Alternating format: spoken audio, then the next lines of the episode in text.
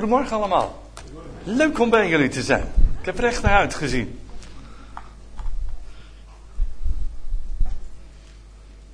Ja, het is eigenlijk heel uh, bijzonder dat ik, uh, dat ik hier ben. Hè? Uh, begin februari was het op een nacht dat ik een ernstige hartritmestoornis kreeg, zo heet dat. En daarna een hartstilstand. En uh, het was me goed dat Thea dat moment naar de wc ging. Anders had ik zo de eeuwigheid ingegleden. Want tegenwoordig, um, een hartstilstand heeft een hele andere lading dan vroeger. Want iedereen sterft een keer omdat je hart stilstaat. En het gebeurt heel veel. En dat wist ik ook niet. En uh, Thea zag meteen wel dat er heel veel aan de hand was. Mijn gezicht was strak.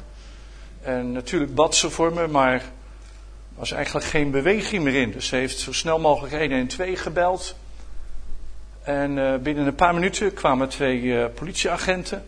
En één uh, begon mij te reanimeren. En na een poosje kwam de ambulance en deden hetzelfde. En ze zijn meer dan een half uur bezig geweest om me te reanimeren. En dat is eigenlijk heel erg lang. Want de tijd dat je geen zuurstof in je hersenen krijgt, dat is het slechtste van het slechtste. Dat zie je bij Prins Friso. Waardoor er heel veel beschadigd wordt. Dus ik ben toen in, uh, in allerijl naar het Maastad ziekenhuis in Rotterdam uh, toe vervoerd. Onderweg hebben ze me nog een keer moeten reanimeren, omdat het niet goed ging. Toen heb ik uh, tien dagen lang heb ik op intensive care gelegen. alles wat ik weet, weet ik van Thea. Die heeft het allemaal bijgehouden. Maar ik weet echt helemaal niks. En de toestand was dusdanig ernstig dat ze eigenlijk wel zich afvroegen of ik het wel zou halen. Want voor het weekend hadden ze tegen Thea en de kinderen gezegd van laten we eerst het weekend maar, uh, maar afkijken. En als er geen verbetering komt, moeten we erover nadenken of we alle apparatuur niet, uh, niet stil gaan zetten. Nou, gelukkig weet ik dat allemaal niet. Hè? Anderen hebben gevraagd, heb je toen Jezus gezien? Nou, ik weet echt van al die weken niks daarna ben ik naar uh, een andere afdeling gegaan, maar toen heb ik uh, ernstige longontsteking gehad. Dus daar weet ik eigenlijk ook helemaal niks van. Maar heel langzamerhand blijkt er weer leven in me gekomen te zijn. Want toen een verpleegster aan me vroeg: Meneer Van Stenens, als u mij hoort, wilt u dan in mijn hand knijpen? En ik kneep vier keer in de hand. Dus dat was in ieder geval voor Thea en de kinderen een bewijs dat er in ieder geval nog wat leven in zat. En op een gegeven moment uh, begon ik blijkbaar te praten in het Engels notabene. Ja, waarom, dat weet ik ook niet hoor. Ik, eh, ik, ik, het was nou eenmaal zo. Het verplegend personeel had me wel horen praten, maar toen zeiden ze, ja, je praat iets in het Latijns en het Grieks. Nou, dat zal er wel in tongen geweest zijn, dat kan niet anders.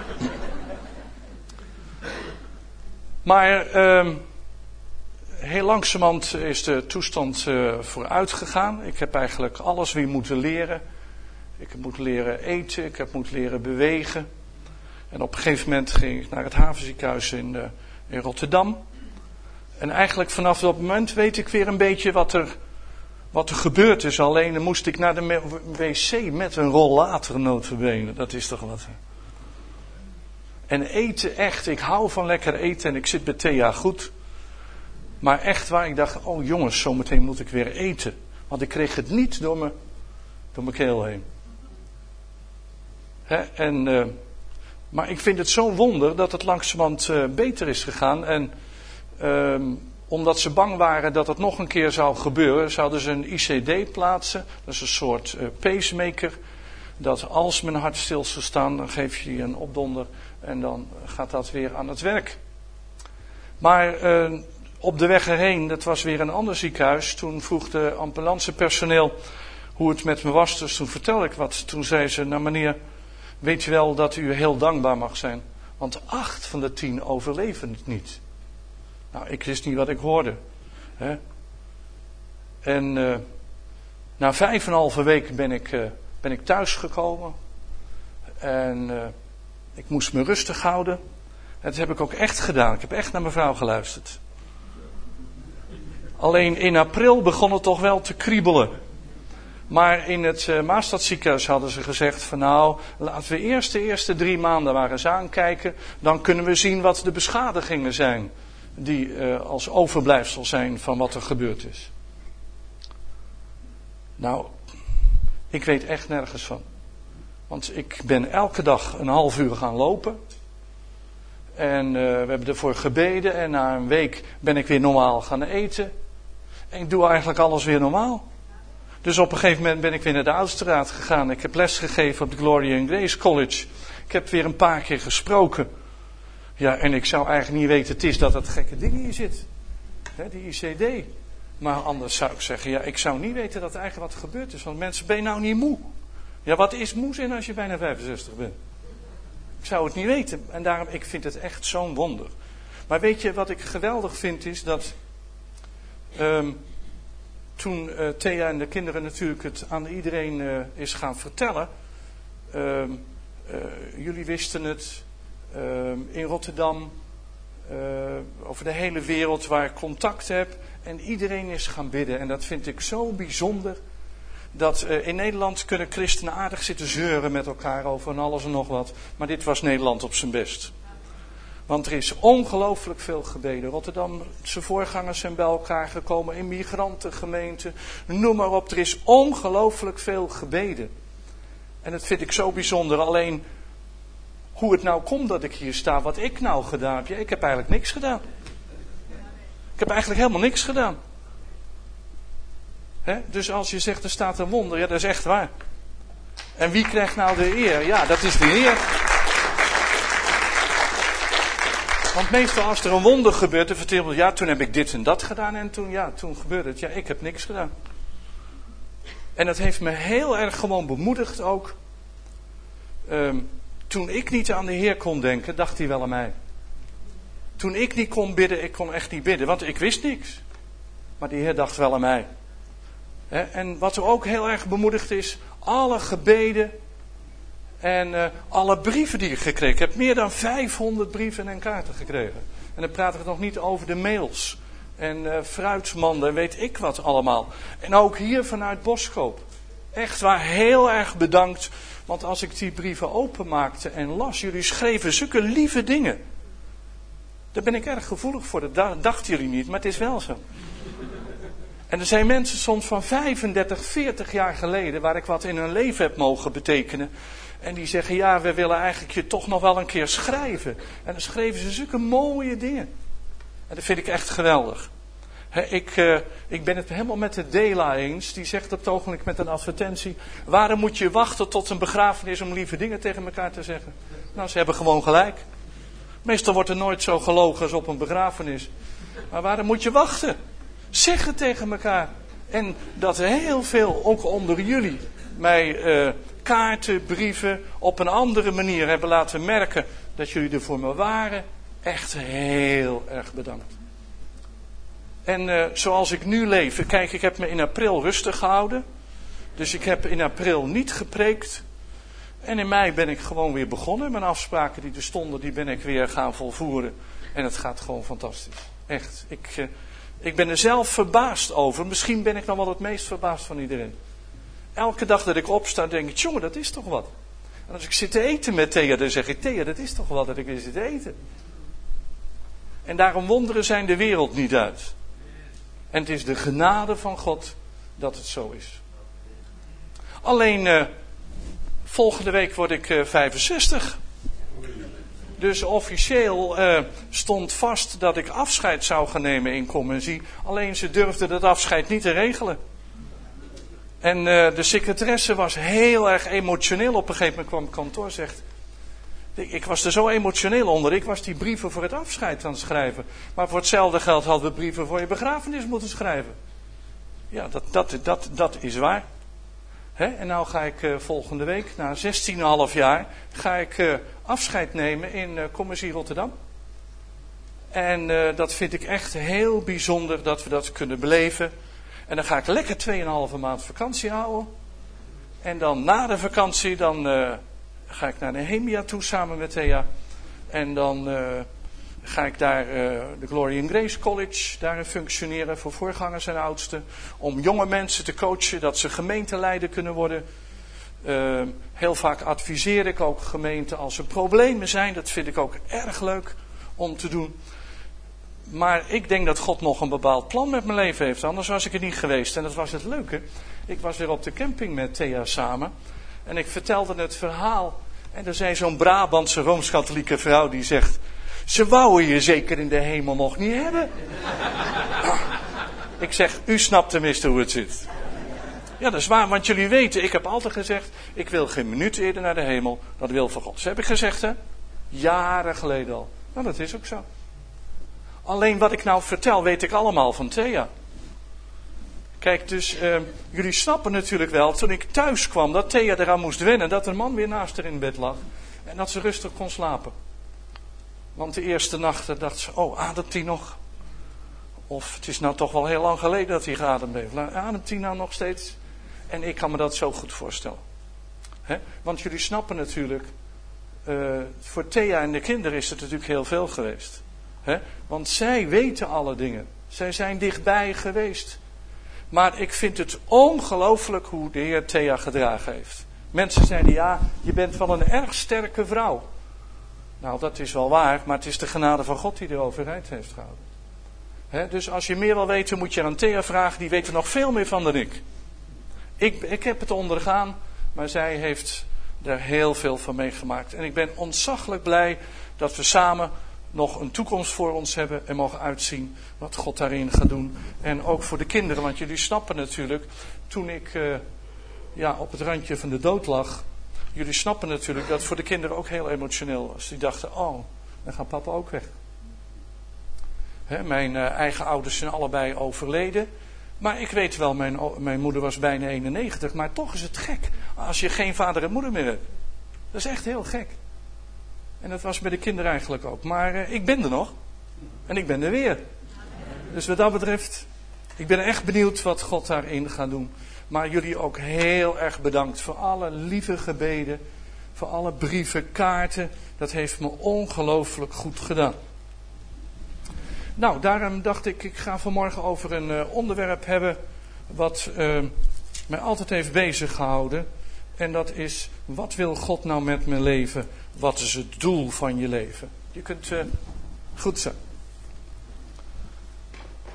Want jullie weten, tenminste degenen die hier al wat langer zitten, daar ben ik eigenlijk altijd mee bezig. Wat wil God nou eigenlijk met mijn leven? He, dat mijn eerste vrouw overleden was, heb ik altijd ook een enorme drang gehad. Ik wil een waardevol leven leiden. Want je leven kan zomaar over zijn. En dat was bij mij nou ook. Ik had zomaar de eeuwigheid te kunnen geleiden. Is je leven over. Maar wat is de bedoeling van God met je leven? En nou snappen we allemaal dat de wil van God is dat we hem lief hebben. We snappen allemaal dat we samen met hem op deze aarde de bedoeling hebben dat we God vertegenwoordigen, dat anderen door ons heen Jezus zien, dat is voor ons allemaal waar. Maar ik ben ook een uniek mens, het volgende plaatje. En als uniek mens heb ik ook een speciale bestemming voor mijn leven. Weet je, en dat is bij jullie allemaal. Want uh, er is nog nooit iemand geweest die is zoals jij. Rijgen, dat is wat, jongen.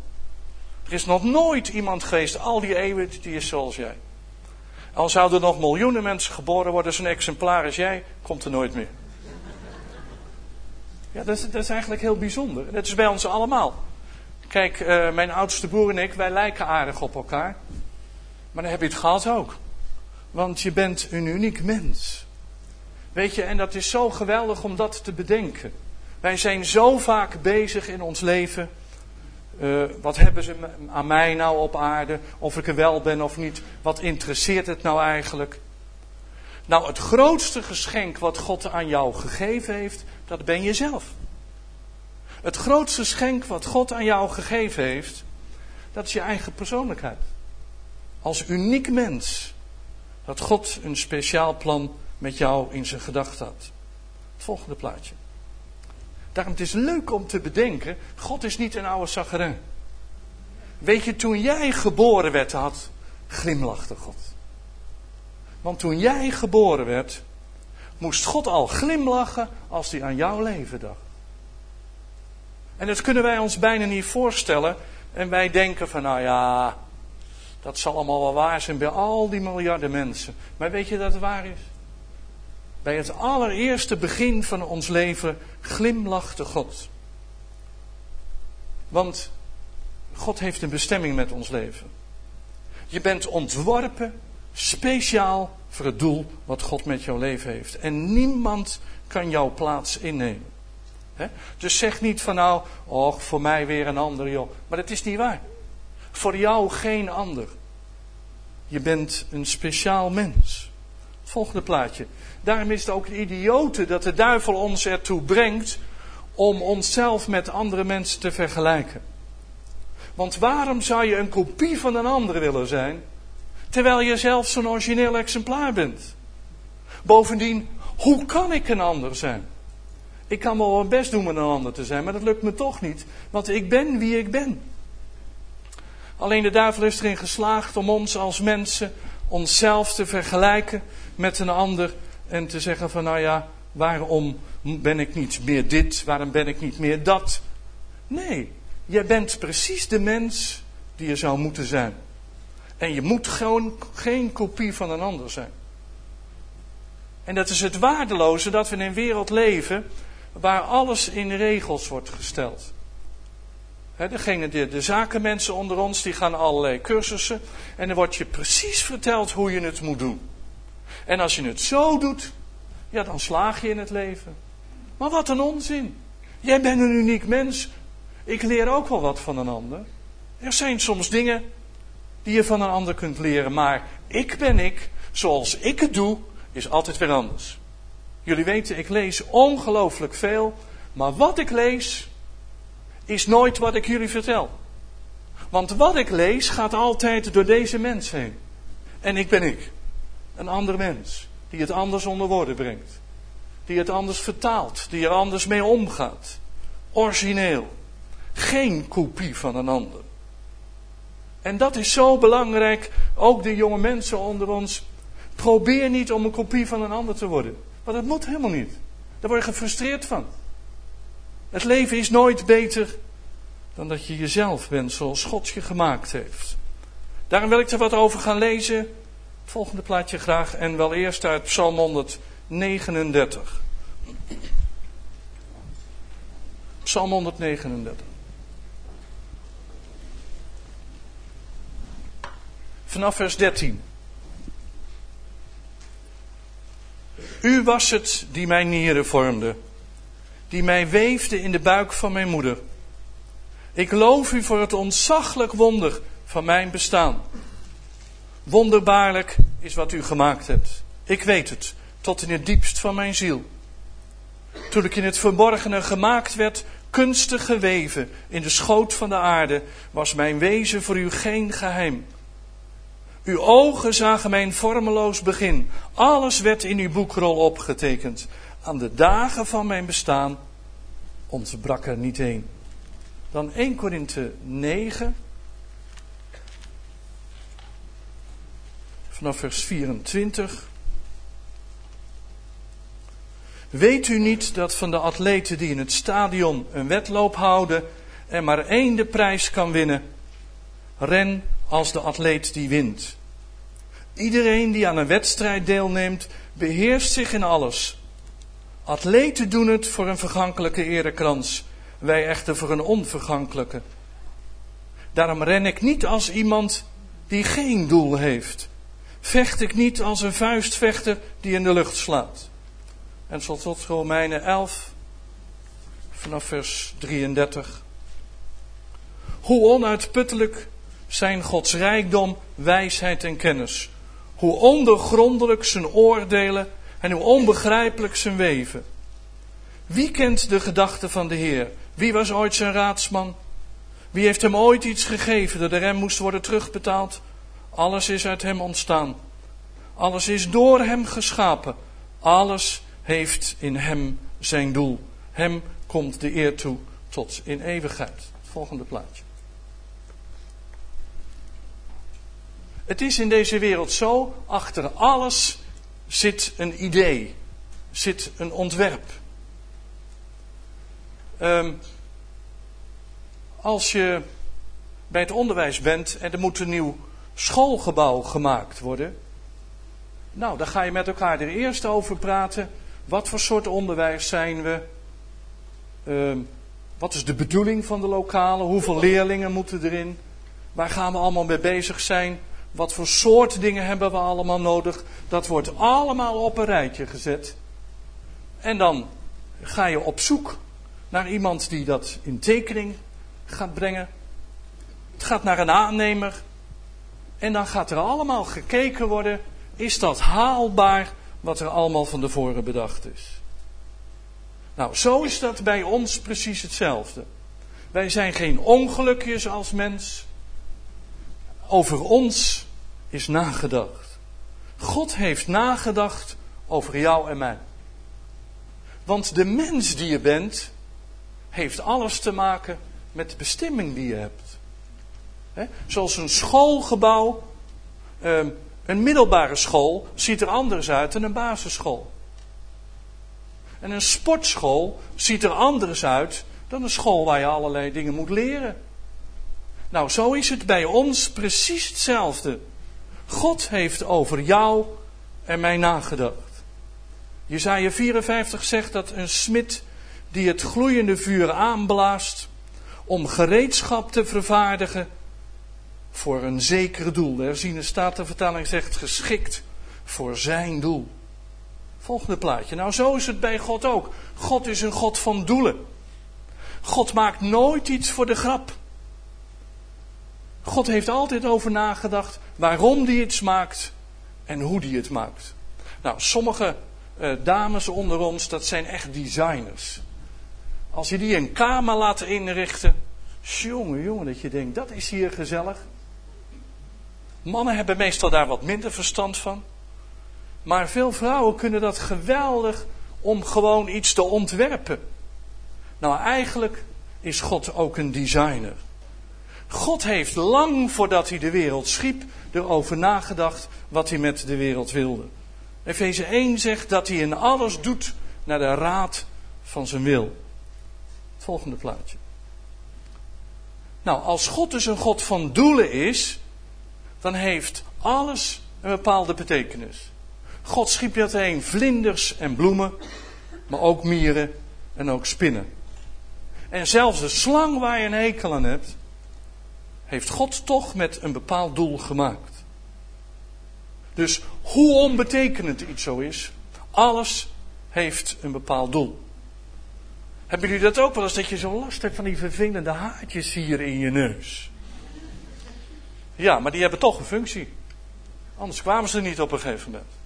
En wat dacht je van dat vies, hè, de poep in je oor, wat je moeder er altijd uit moest halen? Ja, al die dingen zijn nodig. Elk detail aan een menselijk lichaam is belangrijk. God heeft over dingen nagedacht. volgende plaatje. Nou, zo is het ook bij al de mensen in de Bijbel. God zegt van Jeremia, in Jeremia 1, vers 5, dat voordat hij in de schoot van, de moeder was, dat hij al over hem nagedacht had. En dat hij hem als een profeet bestemd heeft. Wat dacht je van Jezus? Jezus werd geboren bij Maria. En God had Maria in zijn gedachten dat hij degene was die de zoon van God naar deze wereld zou brengen. Ieder mens in de Bijbel heeft zijn bestemming. Als het over gaat dat Jezus gestorven is, dan is Jezus niet gestorven alleen maar omdat sommige mensen een hekel aan hem hebben. Maar Handelingen 2 zegt dat Jezus gestorven is naar de voorkennis en naar de bepaalde raad van God. God had zijn doel ermee gesteld.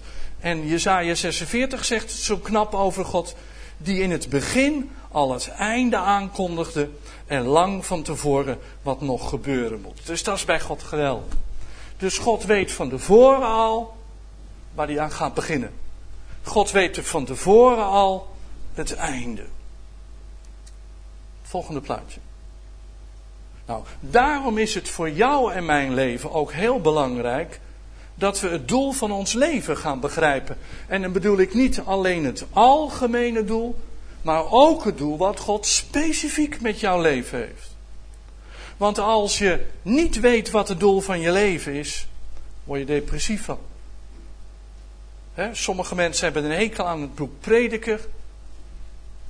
En ik snap dat wel een beetje, want als je depressief bent, moet je niet Prediker gaan lezen. Maar Prediker zegt wel hele mooie dingen. Want Prediker heeft gewoon gemerkt, je kan alles in het leven hebben. En dan noemt hij van alles bezittingen, een hoop vrouwen, een paleis, noem maar op allemaal. Je kan alles in extreme vormen hebben. Maar dan zegt hij, maar het is allemaal lucht en leegte. Want wat blijft er op een gegeven moment van over? En toch is het ongelooflijk belangrijk. Alleen, als ik aan mensen vraag, wat is het doel van je leven? 99 van de 100 weten er geen antwoord op te geven. Ook christenen. Want we weten wel wat God in het algemeen wil, maar ik ben niet algemeen, ik ben specifiek. De mens die ik ben, die niet te vervangen is. En waar God een plan mee heeft. Het volgende plaatje.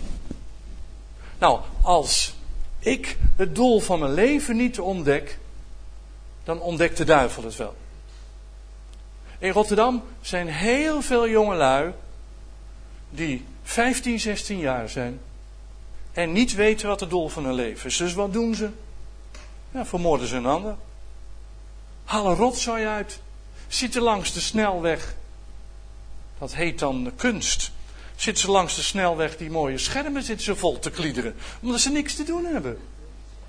Dus als een mens niks te doen heeft, ja, dan mist hij zijn doel. Dat is met al die dingen zo, want alles heeft een handleiding. Het eerste wat ik doe, als ik iets gekocht heb, ik kijk altijd eerst in de handleiding. Thea niet, die houdt niet van handleidingen. Die wil meteen aan de slag. Maar het eerste wat ik altijd doe is de handleiding kijken. De gebruiksaanwijzing. Wat is de bedoeling ervan? Hoe moet je het doen? En dan ga ik aan de slag. Maar dat is met alle dingen in het leven zo. Waarom is er de laatste jaren heel veel gesproken over kindermisbruik? Nou, dat wil gewoon zeggen, kinderen zijn voor dingen misbruikt waar ze niet voor gebruikt moeten worden. Het doel van het huwelijk. Ik heb er heel veel over gesproken, maar heel veel mensen snappen niet het doel van een huwelijk. En daarom, als wij het doel niet weten, dan missen we het doel. En het Hebreeuws gebruikt voor het woord doel missen zondige. Het volgende plaatje. Nou, als je het doel van iets wil weten, dan ga je dat niet aan dat ding zelf vragen. Ik ga niet aan die vlag zitten vragen, joh, wat is je functie? Wat is het doel? Want dat vraag je niet aan het ding zelf. Je gaat niet aan de piano vragen, piano, wat is nou het doel van jou?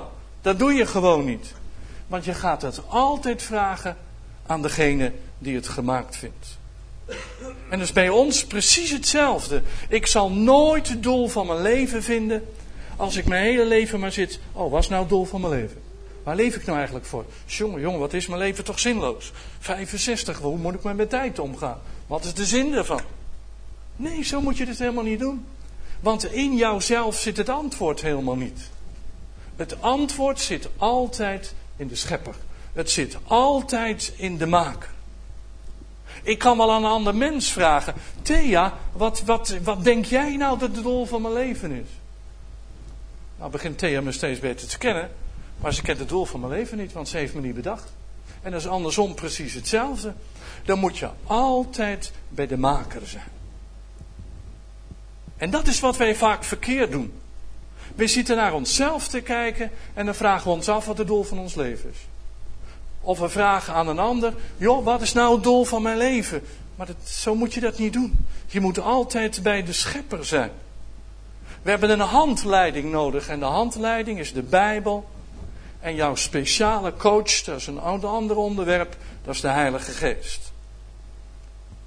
Het volgende plaatje. Alleen God kent jouw doel.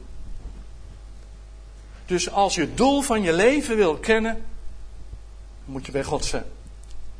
Je kunt jezelf nooit leren kennen dan dat je het doel van je leven ontdekt. Want de mens die je bent, heeft te maken met welk doel jouw leven heeft. Want als jouw doel anders was, had God jou al anders gemaakt. En als je ontdekt wie je bent, zul je merken dat je gewoon een unieke combinatie van kwaliteiten, eigenschappen, noem maar op bent. Het heeft met je doel te maken. Waarom was bij mij nou altijd zo? Ik was altijd voorzitter of secretaris, overal waar ik in zat. Soms wil ik mijn neus geen eens laten zien, want ik weet van tevoren het verhaal alweer. Ik heb altijd ongelooflijk graag, gelezen. Ik heb een onbedaarlijke behoefte aan kennis verzamelen, wijsheid te opdoen. En hoe, waarom is dat nou?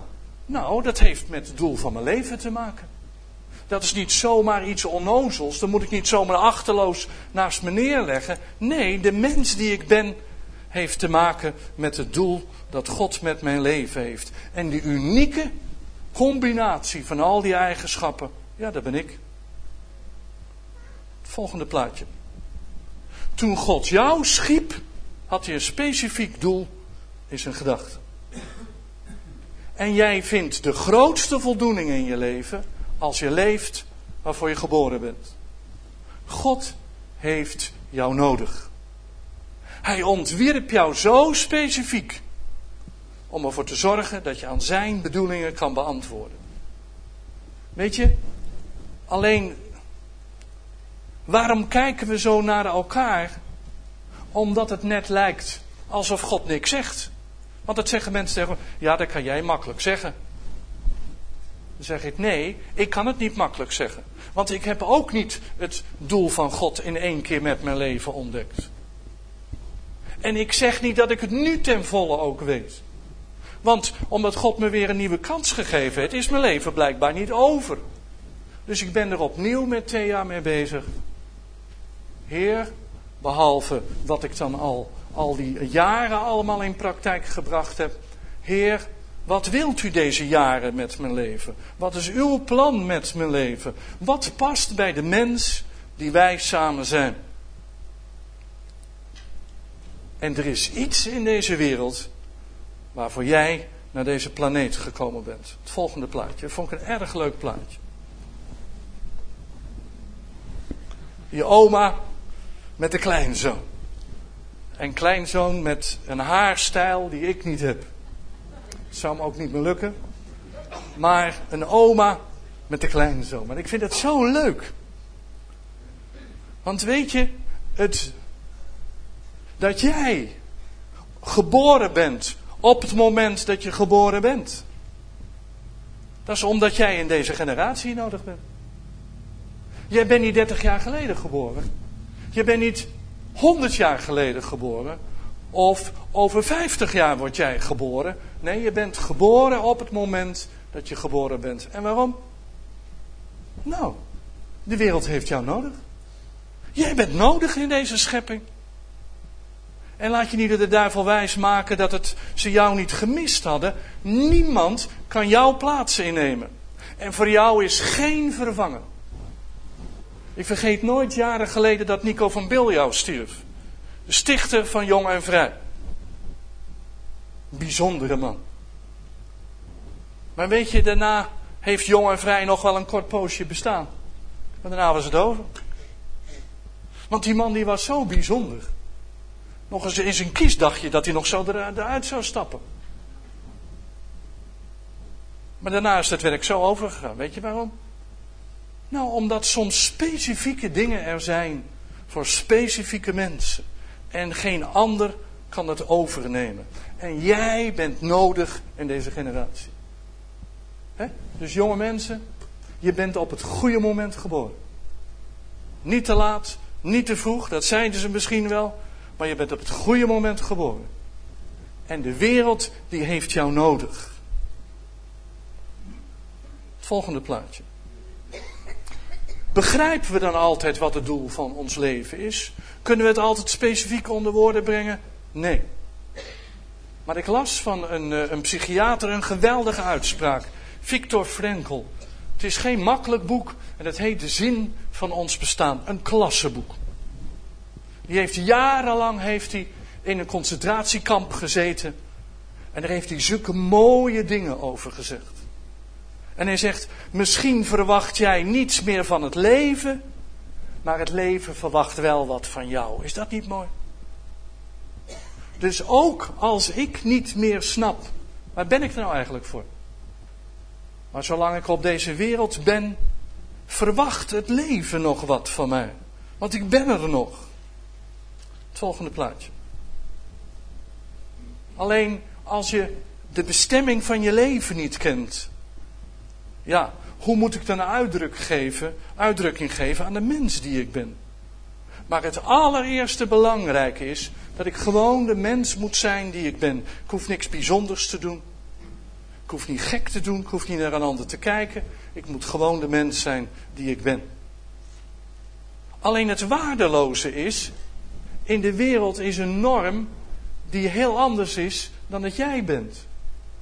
Dus heel vaak word je als mens gekleineerd. Je wordt gemodelleerd. Sommige vrouwen hebben de neiging om een man constant te zitten modelleren naar hun ideeën. Maar je moet nooit worden zoals je vrouw in haar hoofd heeft, zoals God in zijn hoofd heeft. Wees wie en wat je bent. En dat is gewoon heel erg belangrijk. Dus het allereerste is gewoon zijn zoals de meeste fabrikant in jou gelegd heeft. Want je bent zoals je bent vanwege de reden waarom je op deze wereld bent. Het volgende plaatje. In Genesis 1 lezen we al dat de MBG zegt: God schiep alles naar zijn aard. Nou, wij hebben allemaal een bepaalde aard. Een bepaald soort mens zijn wij. Dat zie je al bij vogels. Waarom kunnen vogels nou vliegen? Ja, nou, daar heeft God ze voor gemaakt. Dus ze hebben alles om te kunnen vliegen. Waarom kunnen vissen zwemmen? Nou, God heeft ze zo gemaakt dat ze kunnen zwemmen. Dus ook in de dierenwereld zie je, alles is zo gemaakt als het beantwoordt aan de bestemming die het heeft. Dat is in de natuur zo, maar dat is bij ons precies hetzelfde. Het volgende plaatje. Dus daarom komt tot een belangrijke conclusie. Als ik dus weet wie ik ben, ga ik ook snappen wat mijn bestemming is. Want als ik een andere bestemming had, dan had God mij wel anders gemaakt. Kijk maar naar mannen en vrouwen. Waarom zijn mannen en vrouwen nou verschillend? Ja, nou, omdat je allebei gewoon je specifieke bedoelingen hebt. Mannen moeten vrouwen niet proberen mannen van te maken en andersom. Want mannen zijn gewoon anders dan vrouwen. En het heeft God zo bedoeld. In het algemeen zijn mannen meer initiatiefnemers. Denken in grote lijnen. Zijn planners. Willen oplossingen bedenken. Maar vrouwen die willen helemaal geen oplossingen. Die willen praten. Die willen gewoon communiceren. Die willen gewoon uh, dat, dat je gezellig zit te praten. Die denken veel meer in details. Als je ergens geweest bent, dan kunnen ze dingen noemen die jij echt niet gezien hebt. Maar waarom is dat nou? Ja, dat is nou zo leuk als je die twee soorten bij elkaar zet. Twee dezelfde soorten, echt, dat is waardeloos. Maar als je mannen en vrouwen bij elkaar zet, dat is zo leuk. Dat heeft God bedoeld. En dan kan je wel proberen te veranderen, maar dat moet helemaal niet veranderd worden. Want God heeft ons gemaakt wat alles te maken heeft met het plan van mijn leven. Volgende plaatje. En nou durf ik iets te zeggen, wat misschien heel absoluut lijkt, maar jij bent volmaakt voor jouw doel. Je bent precies de mens die er is om aan jouw bestemming te voldoen. Jouw lengte, jouw ras, je huidskleur, je lichamelijke kenmerken, je temperament, je intellectuele capaciteiten, die zijn allemaal ontworpen voor jouw doel. De ene mens heeft een oog voor schoonheid. Er zijn mensen die hebben altijd het grootste plezier als ze een ander kunnen stimuleren hun gaven te gebruiken.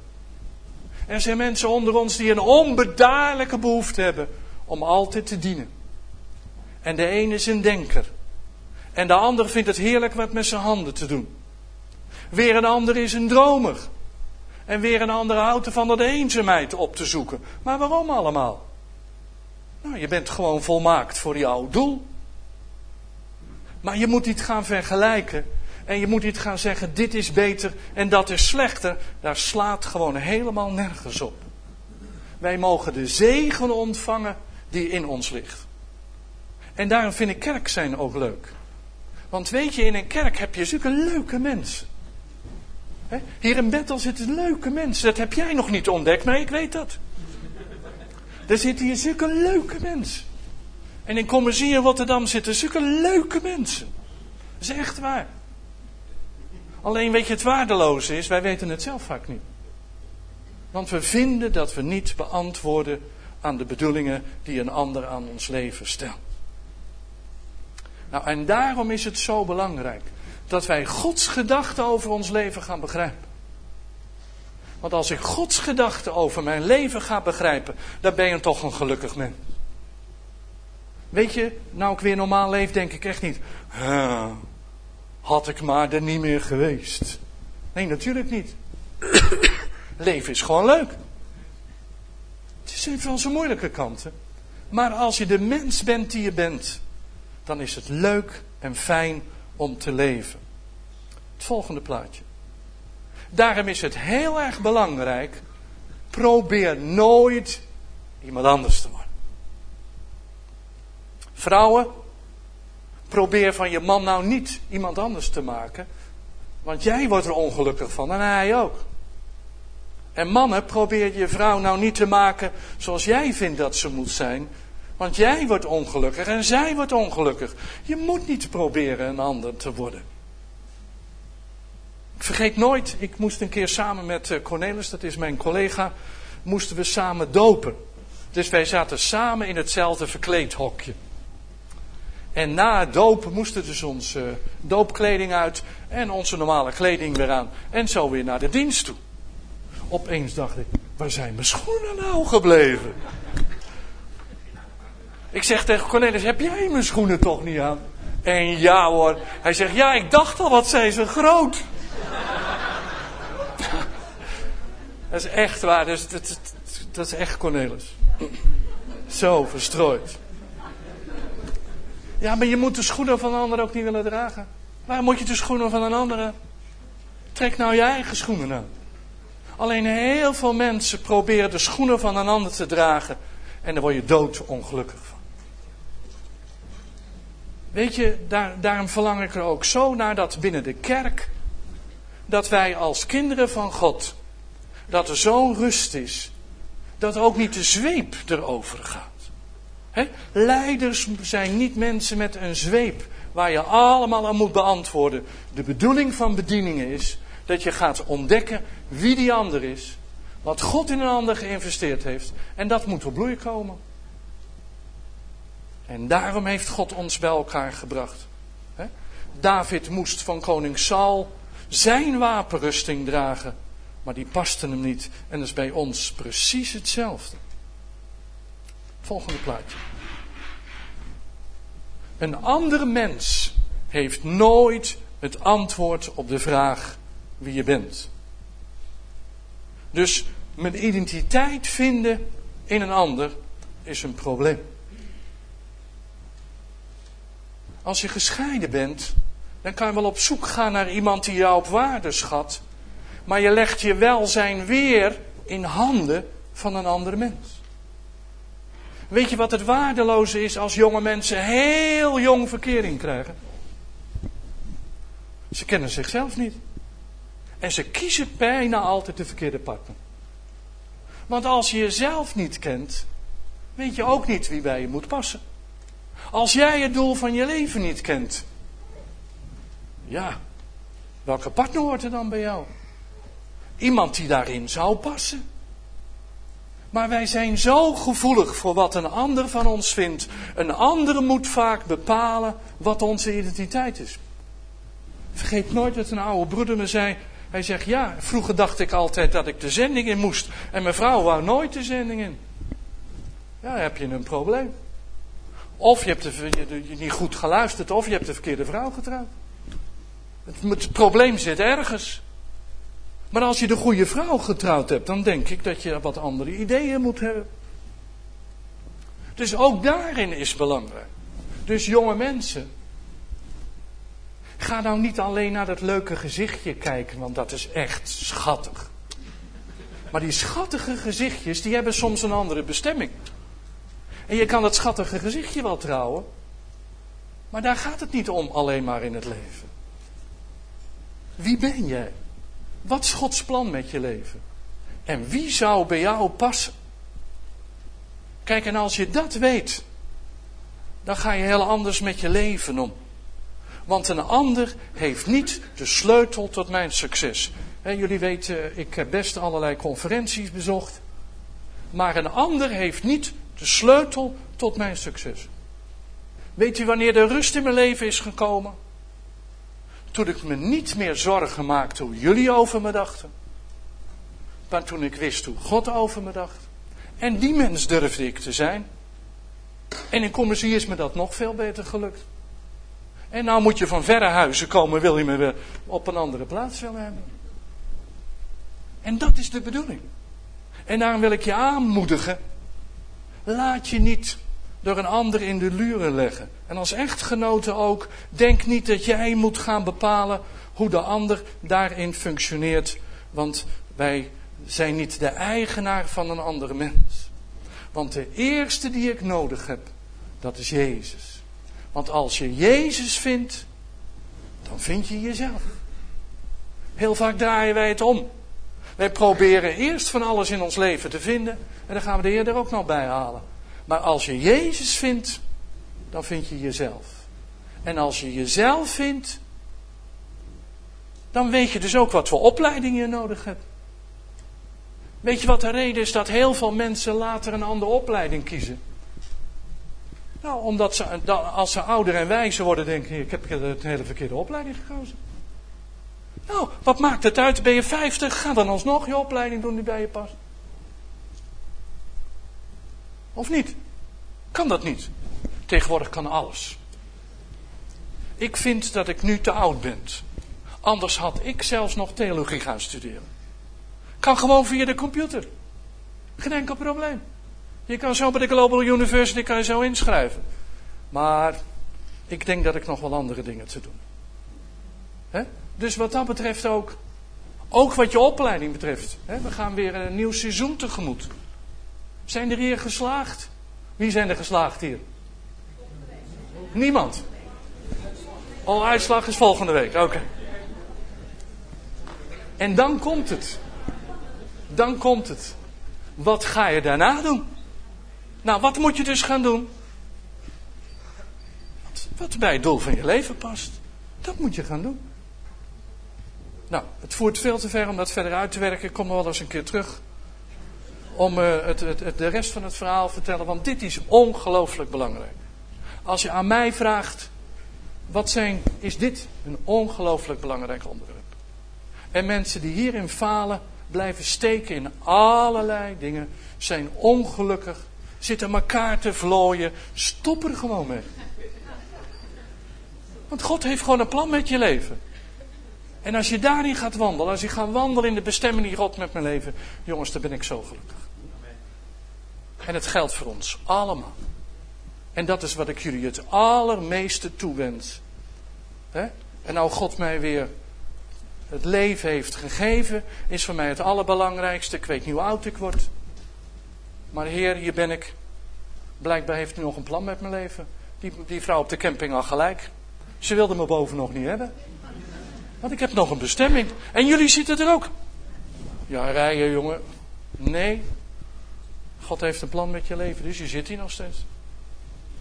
Ja. Jij helemaal, jongen. Hier met het rode of uh, roze bloesje. De Heer, jij, jij, jij hoort hier op aarde, jongen. God heeft een plan met jouw leven. Anders zat je hier niet. En André, die is er ook nog steeds. Die had er al een hoop jaren ook al niet meer moeten zijn. En zo zijn er zoveel mensen. God heeft een plan met uw leven. Gelooft u dat? Wie durft hier te zeggen dat hij weet wat het plan van met zijn leven is? Wie durft dat wel te zeggen? Een paar. Ik zou graag willen dat de hele zaal het wist. Echt. Ja, maar ik ben al 75 nou. Hè? Tante Nel, zal ik eens vertellen wie je bent? Zij weet het zelf niet, maar ik weet het wel. Dat is toch een geweldig mensen. Jongen, jongen. Alleen ze vindt zelf zo gewoon wat ze doet, dat ze denkt dat ze geen roeping heeft. Zullen we met elkaar gaan staan? Laten we met elkaar ervoor bidden. Want er is ook nog avondmaal. Dus het is niet af, maar ik zal een andere keer verder vertellen.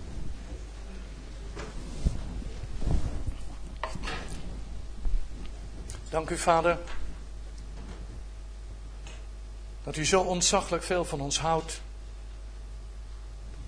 Dank u, Heer, voor de Bijbel die ons zoveel vertelt, Heer, maar we willen dieper. We willen niet alleen maar bezig zijn met het algemene doel wat voor iedereen geldt.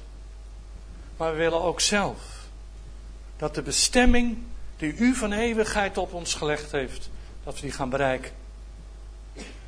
Vader, ik bid u specifiek voor die jonge mensen onder ons. Degenen die hun opleiding hebben afgerond en voor een nieuwe periode staan. Heer, ik bid u dat ze met u er samen over praten. Want u kent hun bestemming. U weet wat het doel van hun leven is, Heer. Ik bid u voor jonge mensen die op zoek zijn naar een levenspartner.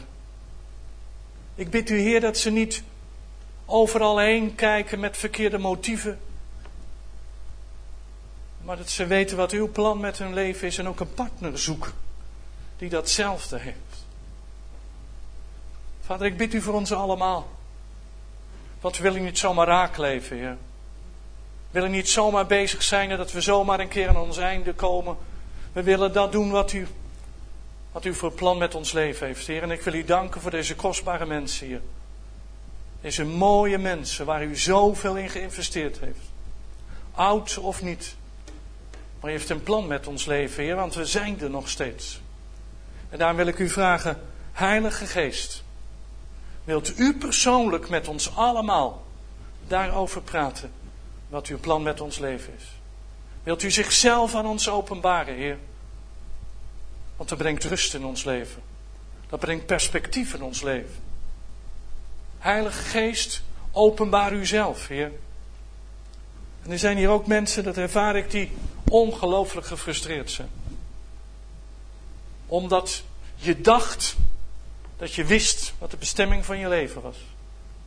Maar je leven is zo anders gegaan. En heeft lang niet opgeleverd wat jij graag had gewild. Maar ik bid u, vader, wilt u specifiek bij deze mensen zijn. Dat ze niet in hun frustraties blijven steken, maar dat ze samen met u hand in hand mogen gaan.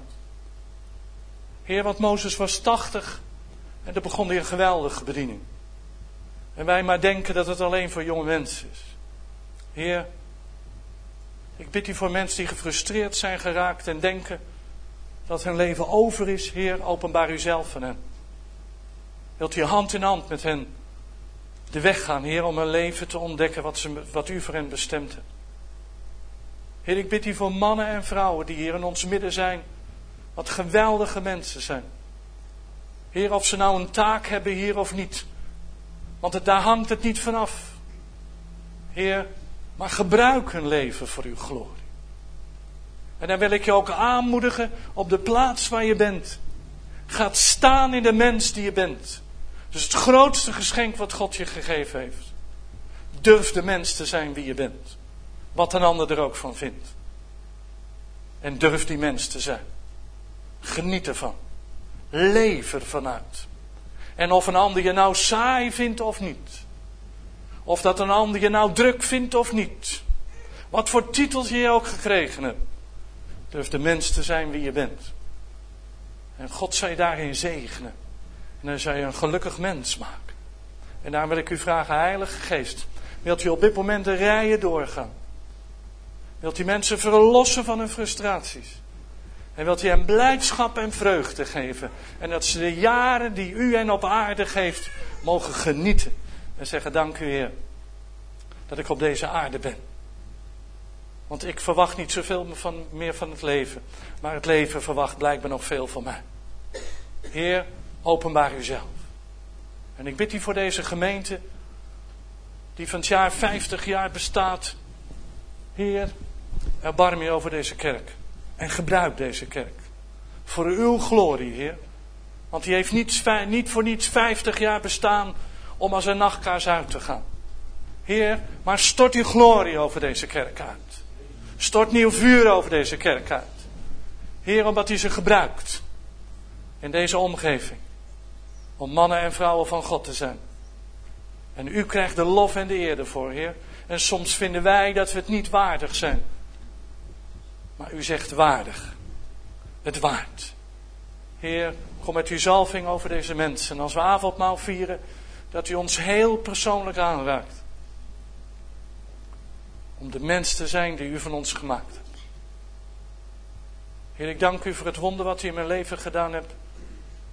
Maar wat u bij mij doet, wil u ook bij een ander doen. Want ik ben daarin geen uitzondering, Heer.